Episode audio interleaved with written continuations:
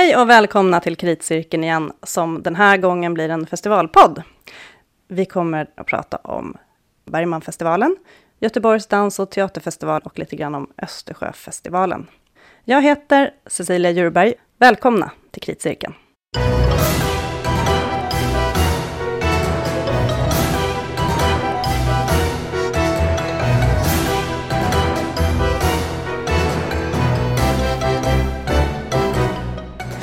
Och med mig eh, i det här avsnittet av Kritcirkeln har vi som vanligt bisittaren Loretto Villalovas. Välkommen! Tack, tack! Och eh, även en gäst från Expressen. Välkommen Margareta Sörensson. Hej! Berätta vem du är, Margareta.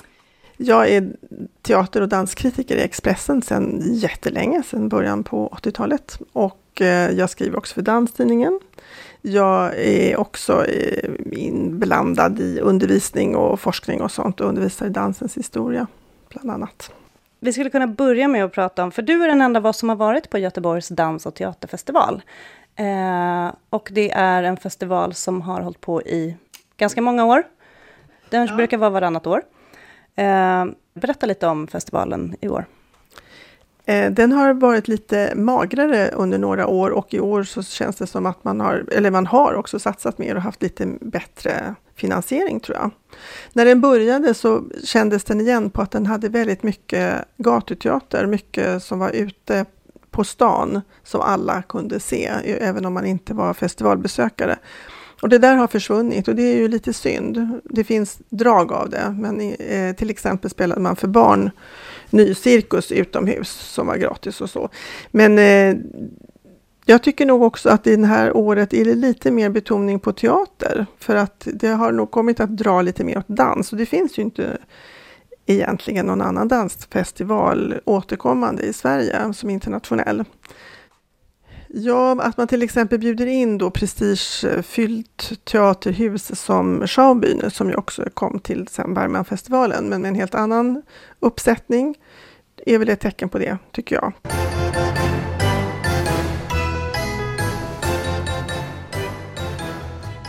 Så att, eh, ja, nu vill, kopplingen mellan dans och teater, jag är helt och hållet för att man blandar det. De har mycket med varandra att göra. Och sen är man också, eh, sträcker man ut sig till performance, fanns det en hel del också. Och dans. Så när det gäller både Schaubühne och dansen så har man haft råd att ta in några väldigt kända namn som eh, Katie Mitchell då från, som regissör för Schaubühne och den här föreställningen The Forbidden Zone. Och när det gäller dansen Ohad Naharin som är väl bland det mest mm, eftersökta och hypade i koreografiväg just nu. Ja, han är lite kontroversiell också. Ja, han är ju en israelisk eh, koreograf som han bor i Israel och eh, genom att jag såg filmen om honom som nu kommer att komma upp igen och, och, gå på vanliga biografer i höst, Mr Gaga, så har jag förstått att han är ett litet kibbutzbarn som var, växte upp i en sån här tidig entusiastisk pro, som, eh, nybyggaranda kan man väl nästan säga i Israel och älskade att dansa och fick göra lumpen, som ju är lång värnplikt i Israel, eh, i ett eh, underhållningsdetaljen inom armén. Men där är det också någon slags vändpunkt, att det var under sjudagarskriget och att han inte gillade alls det han såg. Och så passade, var det väl lämpligt i tiden att han drog till USA och eh, har mycket av sin dansutbildning och orientering därifrån och hade Eh, var på Martha Graham Dance Company och sådär. Och sen så småningom har han återvänt till Israel och är väldigt öppen med att han är emot eh, ockupationen av eh, palestinska områden och mot de här eh, illegala bosättningarna. Ändå möts han ofta demonstrationer för att han är en israelisk koreograf. Det är en paradox. Och nu har vi den här lilla skandalen som verkar ha blossat upp med uh, musikrättigheterna till den här föreställningen som ska komma till Dansens hus, Three. Mm. Uh, det är Brian Eno som plötsligt har sagt att han inte har gett rättigheterna till musiken. Jag tror att man, jag har förstått det som att man lägger ut uh, ny musik, ett nytt, ny komposition på någon annan. Och där har, jag tycker det är lite roligt med Ohad Harins egen kommentar att eh, han skulle bojkotta sig själv om han trodde att det hjälpte. Han tror inte att bojkott är det rätta sättet att komma till rätta med det här eh, Ja, jag, jag, så vitt jag kan se så tycker jag Ohad Harin har en väldigt öppen eh, han deklarerar öppet att han är väldigt kritisk mot den israeliska regeringen. Och eh, jag vet inte vad mer man ska begära. Han är ju ändå verksam inom Israel om man jämför det med något annat land som vars politik man inte gillar och så. Hur skulle han göra? Mm. Ja, men vi har ju, han är ju en väldigt intressant koreograf, ska vi ju inte då glömma ja, att säga. Han har ju... inte glömma att säga. Och att den här filmen Mr Gaga heter så eftersom han har då lanserat den här Gaga-tekniken som är en slags mjuk danstränings eh, skola som nu används av väldigt många danskompanier och utbildningar i världen som är lite yogainspirerad och lite Martha Graham-orienterad och liksom mjuk och man jobbar igenom hela kroppen och sådär. Jag har prövat, man blir alldeles svettig. Men föreställningen som visades i Göteborg då, på Dans och teaterfestivalen, vad, vad fick man se där? Av Ohad Naharin fick mm. man se en, ett stycke som heter Last Work. Och Eh, det är ju frågan om man ska uppfatta det som att det är det sista eller senaste han gör. Jag tror att han menar att det är det senaste och vi får hoppas att han kan fortsätta arbeta. Det är, jag, jag tycker att det är ett väldigt pessimistiskt arbete. Eh, det är väldigt vacker dans. Han har ett fantastiskt kompani med otroligt eh, duktiga dansare. Ofta är väldigt många på scenen samtidigt i jättehögt tempo. Jag undrar hur de gör för att inte rusa in i varandra faktiskt. Det måste vara ganska komplicerat. Men genom hela föreställningen så finns det en dansare som eh, springer på ett sånt här löpband, rullband längst bak i scenen och som aldrig kommer fram. Och i slutet så får den här personen en vit flagga, en fredsflagga i, i eh, hand, händerna som han håller och så springer han vidare. Alltså jag tror att det här stycket mycket handlar om en omöjlig situation och att, en, något, att man inte kan se något slut på en svår situation och det kan ju gälla hela Mellanöstern. Och löpband tänker jag, vad har vi sett mer som haft löpband på scenen? Alexander Ekman. Jag har sett någonting på Dansens hus. Men eh, löpbandet som en metafor för en värld som springer mm, mot. Mm. Och det är väldigt mycket mm, in, både individuell dans och dans i, i duos och i hela grupper och eh, ja, individ, kollektiv. Berätta om eh, Katie Mitchells föreställning. Ja, hon är ju då en brittisk regissör som har eh, jobbat med flera uppsättningar för Schaubühne och eh, en, den första hon gjorde, inte för Schaubühne tror jag, var Fröken Julie. Och det som är anses nytt eller intressant med henne är ju att hon arbetar med film på scenen med synliga filmare och i den här The Forbidden Zone så var det ett team på fem eh, kameramän som rör sig hela tiden framför spelet och så utspelar sig det mesta utav föreställningen i en tunnelbanevagn där en kvinna sitter och tänker. Och kvinnan som tänker, hon är barn till en kvinna som under första världskriget tog livet av sig som protest eller vanmakt för att hennes man, eh, vetenskapsman som utvecklade eh, kemiska stridsmedel, alltså nervgas, och den här kvinnan eh, hamnar i en liknande situation när hon inser att forskarna som ska tjäna mänskligheten ofta ställs i krigsmaskineriernas tjänst. Så en ganska stor del av eh, föreställningen är tanke och eftertänksamhet, sånt som på film kan bli närbild. Och det blir det här också, allting som filmas projiceras ju stort på, på storduk. Och samtidigt så ser man det här spelet. Det är ett sätt att eh, visa på flera berättarnivåer kan man säga. Man ser de här spelplatserna eh, där olika självmord tar egen rum och läkarmottagningar och laboratorier och sånt där. Och den här tunnelbanevagnen är längst fram närmast publiken. Jag tycker det är ett väldigt effektivt och vackert sätt att berätta som ger liksom ett utrymme mellan de här berättarlagren för åskådaren. Och Katie Mitchell, eh, där har vi en, nu har vi en sån här automatisk brygga över till mm. Bergmanfestivalen. För att den här Fröken Julie som du nämnde, den öppnade ju en Bergmanfestival för några år sedan och spelades på Globen-annexet. En jättestor föreställning. Det var just med den här filmiska, mm. eh, filmiska greppet med projicerade filmer. Och, eh, men på Bergmanfestivalen så hade vi ju verkligen det var ju det var ganska gott om filmprojiceringar på Bergmanfestivalen. Till exempel har vi ju eh, Anna Petterssons eh, Hedda Gabler, mm. som på något sätt vi kan misstänka att hon kanske har sett Katie Mitchell, eller vad säger du? Ja, ja, men det här är ju, vem som har sett vad, det är ju alltid svårt att säga. Eh, det här är ju en, eh, en rörelse just nu som, eh, där man ser hur man, jag har sett det inom dockteater, animationsteater, barnteater. Och det är ju ett sätt att göra, även i en liten lokal, göra ett skeende väldigt stort. För att man har en stor filmduk till exempel.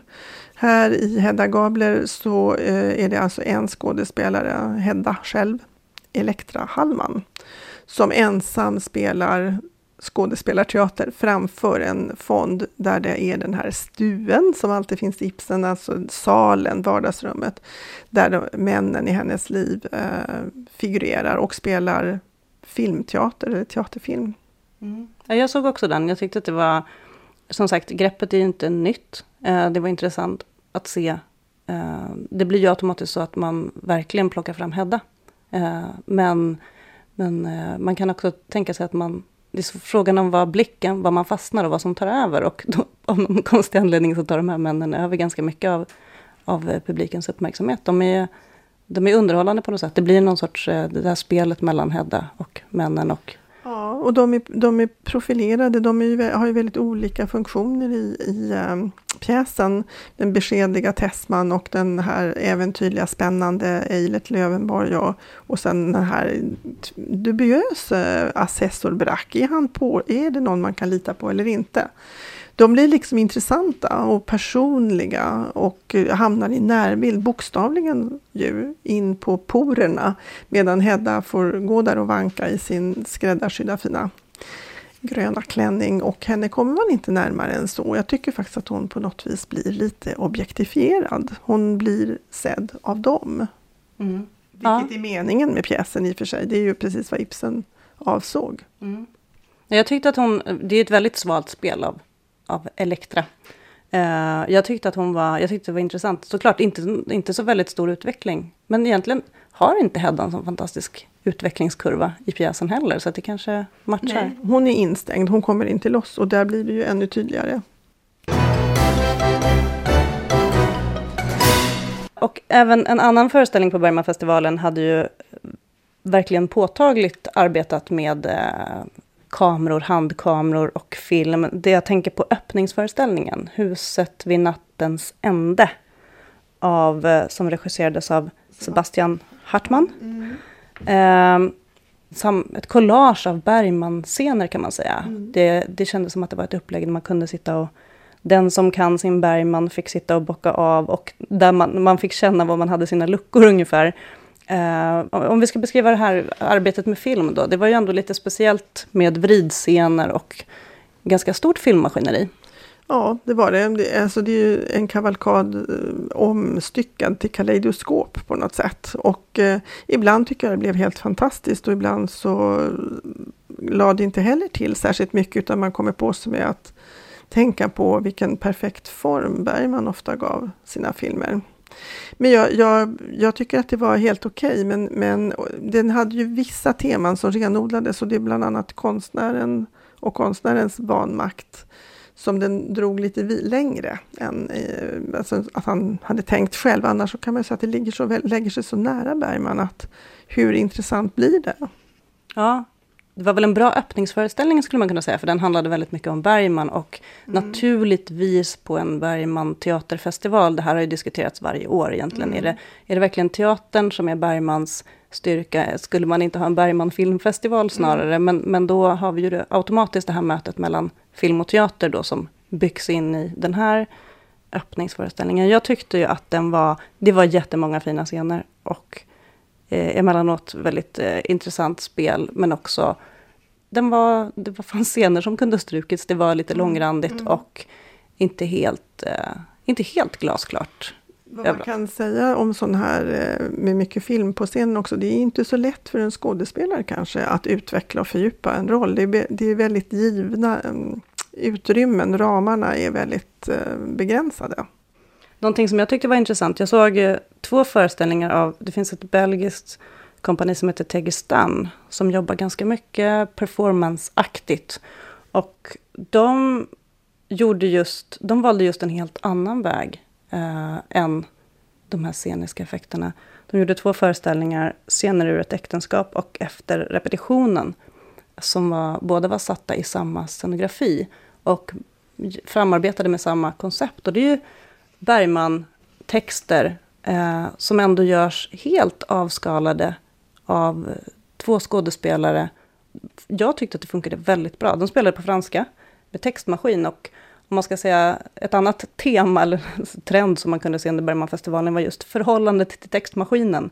Som man kunde, eh, som flera skådespelare eller uppsättningar liksom på något sätt tog in som en liten sån här blinkning. Inte att det tog över jättemeta, men, men att det ändå eh, togs med som en, det här är en del av föreställningen och eftersom de var tvungna att använda textmaskin så, eh, så blev det lite roligt.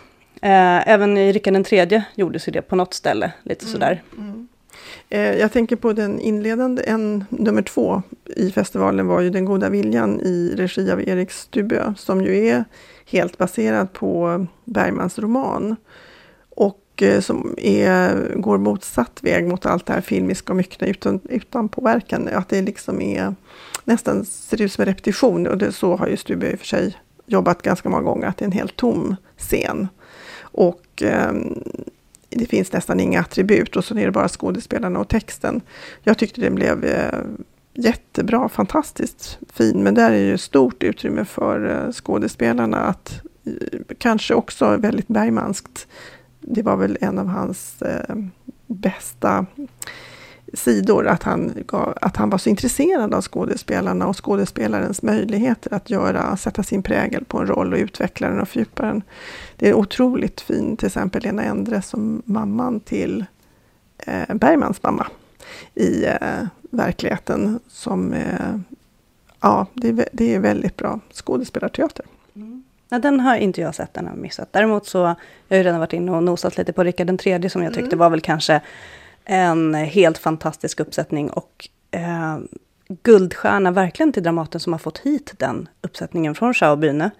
Eh, regi Thomas Ostermeier. Och eh, vad jag förstått så håller du med om, du var också ganska lyrisk över den föreställningen. Ja, jag såg den inte här utan jag har sett den tidigare och nej, jag tycker den är, det är jättebra. Den är ju väldigt rå, brutal. Det är ju så här vi brukar säga att det är med tysk teater, det kanske är att hårdra det, men att den är väldigt eh, effektiv känslomässigt och att den verkligen renodlar Rickard den tredje som en fruktansvärd tyrann in på vansinnets gräns. Han blir ju som ett eh, galet och vanvettigt barn och till slut clownsminkad som en löjlig figur. Men det, det, jag tycker det var väldigt fint och eh, inte bara så stiliserat att man inte blir berörd, utan det blir ju också väldigt eh, laddat. Eh, de här mordet på, på de små pojkarna, små prinsarna. Mm. Tycker jag blir väldigt eh, välgjort, fast man använder dockor. Och att det, man kunde ju tänka sig att det skulle också kännas mycket distans, men det tycker jag inte det gör. Nej, och just det som du pratade om tidigare där om, om Stubes, att det här att, att skådespelarna får någonting eh, skådespeleriet får komma fram och de får någonting att bita i. För mm. att han, eh, Lars Eidinger, är ju en helt... Alltså det här är ju den bästa Rickard III jag har sett. Och även då, om vi ska ta temat med att använda eh, videoprojektioner, så använder han ju en, eh, en eh, mick som hänger från taket med en inbyggd eh, filmkamera i. Så att han gör närbilder, han pratar i den här mikrofonen så att det blir väldigt sådär uh, lite sådär dystat som, som tysk industrirock, liksom röst eller vad man ska säga. Uh, mycket viskande nära och uh, även då använder den här kameran så man ser hans vansinniga blickar i närbild uppe på fonden. Och ja, jag tycker att det var helt, alltså den var otroligt, otroligt bra och väldigt, framförallt som jag sa, fantastiskt av Dramaten att, att få hit den. Att, och sen har den ju såklart inte så mycket med Bergman att göra, men det är väl återigen det här med vad ska en internationell festival heta i Sverige? Och mm. ja, Bergman känner ju folk till, men nu var det ju, nu var det tysk Shakespeare. Ja. Liksom. Ja, det hade väl kanske varit mer logiskt om att den hetat Strindbergfestivalen eller någon sån nyckelperson för svensk teater och dess utveckling. Det är klart att Bergman har haft stor betydelse för teaterns utveckling i Sverige också. Men eh, det är ju han är ju inte samma avantgardist inom teatern som han har var, var inom filmen. Men nu är det här redan etablerat. Jag vet inte, jag har redan skrivit i många år och omgångar att det borde heta Strindbergfestivalen. Eh, kanske också med tanke på att Norge har sin Ibsen-festival och så. Men nu heter den här Bergmanfestivalen, det är ju alltid ifrågasatt om den kommer att uppstå igen och det vet man väl inte nu den här gången heller. Det är en fråga jag också kan ställa mig där, att hur mycket är det en Bergmanfestival? Dramaten passade ju på att lansera sina egna produktioner och la en hel knippe av sina egna premiärer, pjäser som kommer att gå under hela hösten under festivalen. Och det, det är klart, det blev en festival och det blev ett väldigt eh, lyxigt och rikt eh, intryck och tydligen jättebra publiksiffror för Dramaten och den här festivalen. Eh, men det är någon slags, lite grann är det slags fusk med de här egna produktionerna som annars skulle ha kommit säkert droppandes under hösten. Mm. Jag kan också ifrågasätta lite grann det. Och, men som sagt, jag hörde också det att det var publiksuccé. Mm. Man kan väl tänka sig att nu eh, att det här är en festival med lite medvind då, som kanske, ja, vad vet jag, kan få mer pengar från politiskt håll eller någonting för att, eh, för att vi behöver ju ha såna här internationella festivaler och det, jag tycker att det är ett problem att hur, hur det är möjligt att den här festivalen har lyckats varenda år krocka med någonting annat så katastrofalt. För nu krockar den ju med Göteborgs dans och teaterfestival och det kanske inte är så att är så fa fasligt många åker till Göteborg, men, men de som skulle vilja göra det är ju samma som skulle vilja gå på Bergmanfestivalen. Och första året så krockade det med Teaterbiennalen och så här har det varit varenda år. Det är som att, och dessutom har vi ytterligare en krock då och det ska vi prata snart med Loretto om här, om, eftersom Östersjöfestivalen drog igång samtidigt, visserligen eh, musik, men som sagt hur, hur många festivaler tål Sverige samtidigt? Eller vad man ska säga. Och så hade vi Kulturfestivalen i Stockholm eh, under, under öppningshelgen. Kulturkalaset i Göteborg pågick precis fram till Göteborgs dans och teaterfestival. Jag tror de överlappar varandra en aning. Mm. Nej, men man skulle kanske önska att de hade någon sorts samrådsmöte när de la sin... Men det är, väl, är det inte bara vi kritiker som har ett bekymmer här? För publiken är det väl bara kul och bra? Jo, absolut. Men om det är så att man vill se saker mm. samtidigt i Stockholm och Göteborg. Om det är två föreställningar av någonting i Stockholm och sen en eller två tillfällen. Jag hade jättegärna velat åka och se eh, Ohadna Harin till exempel. Och Thierry hade jag velat se. Såg du den i Göteborg? Nej, jag såg inte den, men det, det var säkert bra. Däremot såg jag en film som han spelar i, den som heter Chocolat, om en svart clown i början på 1900-talet i Paris. En historia om rasism som är fasansfull och väldigt intressant gjort. Det är dags att Frankrike börjar syna sin historia. De har inte gjort det så duktigt som Tyskland. Ska vi berätta vem Thierry är? Det är alltså Charlie Chaplins barnbarn. Ja, det är det. Och framförallt är han en förfigur inom nycirkusen och väldigt eh, nyskapande och eh, akrobatiskt och väldigt visuell betoning på den typ av cirkus som de har gjort. Han är väl lite grann av en stammis på Göteborgsfestivalen också? Ja, det är han. Och den här cirkusen som bildades av hans pappa och mamma, en Chaplin-dotter och en Thierry, som hette Cirka Invisible var länge återkommande på Orionteatern här i Stockholm kring nyår, flera år i sträck. Och fantastiska mm, sådana här mm, transformer-grejer och väldigt mycket rolig visuell bildkonstteater. Och någonting som jag skulle höra mer om Margareta, det är ju den här sopföreställningen under Göteborgs dans och teaterfestivalen. Berätta, vad var det för någonting? Den hette Oblivion? Mm, den hette Oblivion, glömska. Och det är en performancekonstnär från eh, Belgien som eh, har gjort en här Van He, tror jag hon heter. Så Oblivion är en föreställning som tar ganska lång tid, två timmar och 20 minuter tror jag. Och det är en performancekonstnär som har samlat sina sopor under ett år. eh, och hon har då tagit bort eh, sopor som inte var direkt hennes egna. Bara en sån sak är ju klurigt. När är dina sopor inte dina? Utan om du kanske har bjudit någon på någonting som är den andra personens sopor. Likaså tog hon bort organiska saker som skulle luktat illa och förruttnat och sånt där. Så nu har hon tvättat och diskat alla sina förpackningar och små påsar och flaskor och burkar och eh, emballagematerial och, och packat det i 40 flyttkartonger som var ordentligt numrerade.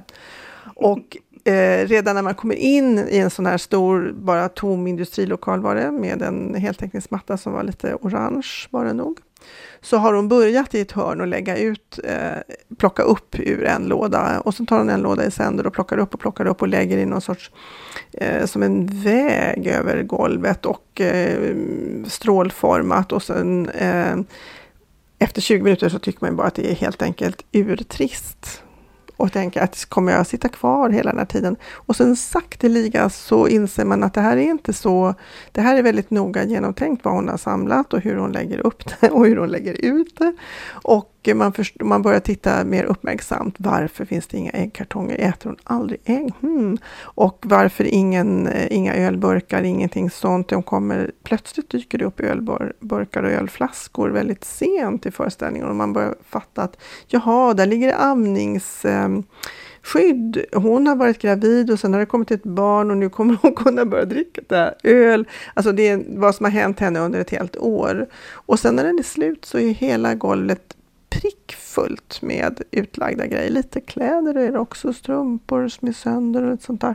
Och man belyser det så att det som är vitt, det måste vara någon UV-belysning, så att det som är vitt papper och sånt blir sådär skimrigt blått när man går ut därifrån och tänker hmm, intressant ändå.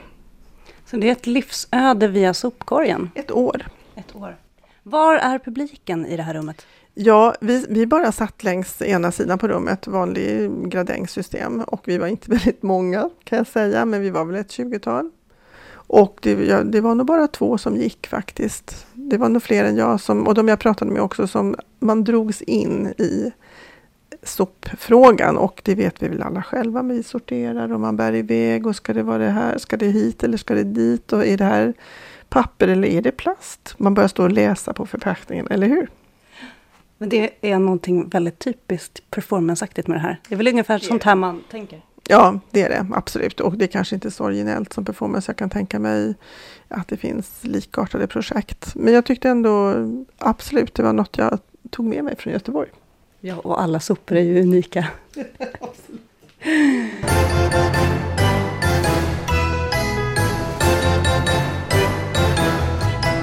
och eh, vi var inne på att det var många festivaler samtidigt och nu ska vi då raskt eh, övergå till Östersjöfestivalen och den är det Loretto Villalobos som har varit på. Eh, berätta Loretto, vad var grejen eh, i år med Östersjöfestivalen?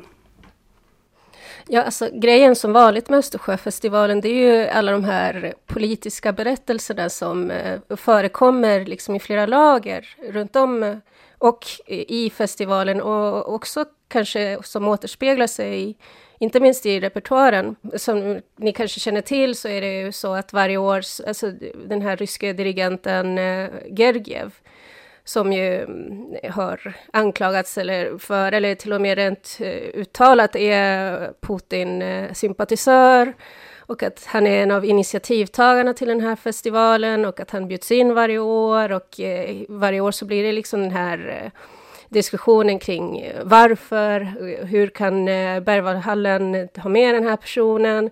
Så, där. så att det blir liksom en sån här, ja, det blir på något sätt en ett politisk berättelse. Men, en, en, en liten följetong där som vi har fått följa från år till år. Ja, ja men precis. Det blir ju liksom så att man på något sätt eh, ja, nästan lite pliktskyldigt måste liksom säga någonting om, ja men Putin, Gergiev. Och sen så lämnar man det åt sidan. Och sen så, liksom så visar det sig, så plockar man liksom upp den här, eh, den här eh, sovjetiska repertoaren liksom med Chostakovsky eller med Prokofjev som är liksom ja, väldigt dubbel i den här bemärkelsen, liksom att å ena sidan propaganda och å andra sidan eh, kanske någon så här form av eh, subtilt motstånd i musiken sådär. Och, och så när eh, Gergiev eh, framförde den eh, Sjostakovitjs eh, fjärde symfoni, så med, som var liksom ett så här verk som blev väldigt eh, hårt ansatt av censuren och han eh, framförde inte den förrän ett antal år efter att han hade mm, skrivit det, för att han hade precis fått kritik av Stalin för Lady Macbeth. Uh, ja, och så, så liksom när Gergiev framför den här eh, det här verket som har liksom varit så mytomspunnet och laddat rent politiskt. Och liksom med, med det här politiska narrativet som pågår kring honom. Och Och det blir liksom så här fantastiskt framfört, så man liksom tänker så här, vad är det, är det någonting här som, som man försöker säga med hur han dirigerar orkestern? För det liksom bara kommer fram eh, nyanser som, ja men fan, det är någonting som är väldigt intressant med det där. Vad är din eh, generella uppfattning om, om festivalen? Alltså generella fest, eh, festivaluppfattningar, jag tänker liksom också apropå det som vi har pratat om med, med att kicka igång höstsäsonger, så tjuvstartade ju Kungliga Operan sin säsong. Ehm, dels med nyskriven opera, föreställningen av, eh, med musik av Sven-David Sandström, som jag inte såg, tyvärr. Ehm, men dels också med en konsert som hölls på Berwaldhallen eh, med Kungliga hovkapellet där man framförde musik av eh, John Adams. Ehm, och det kommer ju bli, John Adams kommer ju bli den stora, eller den stora, den första premiären på Kungliga Operan för i höst. Nixon in China. Ja, precis. Och där kommer det liksom återigen de här stora politiska berättelserna och ja, det blir liksom på något sätt att allting eh, får genklang i, i varandra på något sätt, vilket är roligt och intressant. Men vad kändes den, den konserten då med Adams? Kändes det som en trailer eller lyckades de förtäcka det här bra? Jag tror att de lyckades förtäcka det bra. Jag tror att eh, det är lit, kanske lite annan publik som går på, på Berwaldhallen, speciellt på den konserten. Det var liksom ändå en ganska, ganska van, alltså det ganska van publik, eller konsertpublik. Um, kanske inte liksom som eh, på eh, Dudamels konsert som var kvällen innan, där det var liksom väldigt så här folkligt och mycket mycket venezolaner med flaggan som liksom stod där och var på, på något sätt på, som på, på en rockkonsert, utan det här var liksom mer så här, ja men det här är, ja, Kungliga hovkapellet ska ha en kväll här och ja, det blir, det blir bra. Eh, vad är det som är Östersjö med Östersjöfestivalen idag skulle du säga? Jag tänker, vi pratade ju om vad i Bergman med Bergmanfestivalen. Är det bara att artister och orkestrar och så kommer från Östersjöområdet eller hur ska man tolka Östersjö? Ja, det var ju en väldigt bra fråga eftersom jag faktiskt hade med eh, Dudamel med sin eh, mm. Simon Bolivar-orkester, alltså det här liksom flaggskeppet i i det här El-Sistema-varumärket. Så visst, och där var det ju liksom, det är ju musik eh, av eh, eh, latinamerikanska tonsättare, bland annat min namne Villalobos. Eh, Ni är inte släkt? jo, det är vi. Och så, så gör jag såna här små citattecken med fingrarna. Nej, vi är inte släkt. Eh, så att, ja, ja vad, vad är avgränsningen på Östersjö egentligen? Alltså det blir väl liksom en ganska stor fokus på ja, östblocket, liksom ja, finska, ryska, polska tonsättare sådär. Men ja, den, eh, den benämningen känns ju ganska godtycklig nu i det här sammanhanget, eller liksom nu i det här läget. Så det är ändå bara Göteborgs dans och teater som har dans och teater, de håller sitt varumärke. Ja. Ja, nej men eh, vet, det är väl rimligt att en festival, eh, om, även om den har ett namn, kan ha andra inslag också. Men jag tänker just Östersjö så, har ju blivit så politiskt laddat också mm. de senaste fem, tio åren. Ja, alltså det är väl också en fråga liksom, eh, så på något sätt hur man säljer in festivalen, att det är under, under förespegling av att det ska vara ett freds och miljöprojekt. Eh, det är ju liksom det som, eh, de sloganen som säljs i programbladen till exempel och i de här seminarierna som, som ges i anslutning till, till själva festivalen. Men visst, alltså det blir ju liksom, det klingar ju väldigt ironiskt i vissa sammanhang också. Mm. Uh, var det mycket folk på Östersjö? Alltså på Gergievs konsert så är det alltid överfullt och det är alltid det här konstiga stämningen av eh, säkerhetspådrag, att man måste hänga in sina jackor. Jag kommer ihåg när jag var där första gången, kanske tre, fyra år sedan, då var det ju vakter och man blev muddrad. Eh, och det var ju i samband med Krimkrisen. Eh, men på hans konserter är det liksom alltid fullt och det är liksom alltid fullt ös och, och sådär. Dudamels konsert var ju som sagt också en så ganska otippad publik, för det var ju liksom eh, folk som eh, ville kolla på sin landsman och som viftade med sina flaggor och sen som eh, skrek efter extra nummer och önskade låtar sådär. Så det väl blir liksom en, en annan stämning. Eh, och sen på Kungliga hovkapellets konsert så var det liksom som det brukar, ja, de här övre raderna längst upp var ganska tomma. Ja, det var väl ungefär allt som vi kände att vi hade att säga om festivalerna i det här avsnittet av Kritcirkeln. Eh, vi ska avrunda lite här nu. Jag vill bara höra lite grann, vad, vad, har, vad ser ni fram emot härnäst? Vad ska ni gå och se på för föreställningar? Loretto? Ja, alltså det är ju massa Norén på Uppsala stadsteater. Eh, 20 november i regi av Sofia Jupiter som har haft premiär och som kör som skolföreställning. Eh, vore kul att se. Eh, och sen så har eh, Natten är... Dagens mor. Dagens mor premiär också den här veckan. Så det blir lite Norénfrossa. Margareta, vad ska du kolla? Jag ska se eh, Nycirkus med, på Stig Dagermans Tusen år hos Gud på måndag. Den har precis haft premiär men jag kunde inte gå på lördagen. Var är den någonstans? På Kulturhusets, den här fria scenen heter det. Eh, kompani Giraff, ett litet nycirkuskompani som ger sig kast med denna nästan omöjlig uppgift. Sen ska jag se lite annat smått och gott innan jag förbereder mig också för att åka till Belgrad och Bitef i slutet på månaden. Eh, det, är ju, har, det har ju varit en stor och jätteviktig festival för östra Europa och nu fyller Bitef 50 år och eh, tar nya tag och eh, satsar lite mer internationellt igen. Efter Bosnienkriget så har den här festivalen kört lite på sparlåga. Ja, som en, en händelse så kommer jag och Loretto också att åka ja. dit. Så vi kommer väl kanske att prata lite mer om det i nästa avsnitt av Kritcirkeln.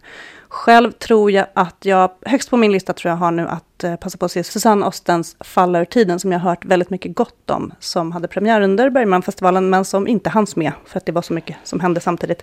Den vill jag se, och sen så är det ju, som sagt, så har vi eh, Belgrad som vi ska åka till. Vi har också Medea scenkonstpris som ska delas ut. Eh, där några kompisar vi känner har varit med och bestämt vilka som ska få teaterpriser. Och det kommer vi väl också återkomma till. Det var allt från Kritcirkeln den här gången. Eh, tack så mycket Loretto Villalovos för att du var med och pratade. Tack Margareta Sörensson. Själv heter jag Cecilia Djurberg och om det är så att ni vill kontakta oss så går det jättebra att mejla på podden kritcirkeln at gmail.com. Ni hittar oss i sociala medier, snabel kritcirkeln.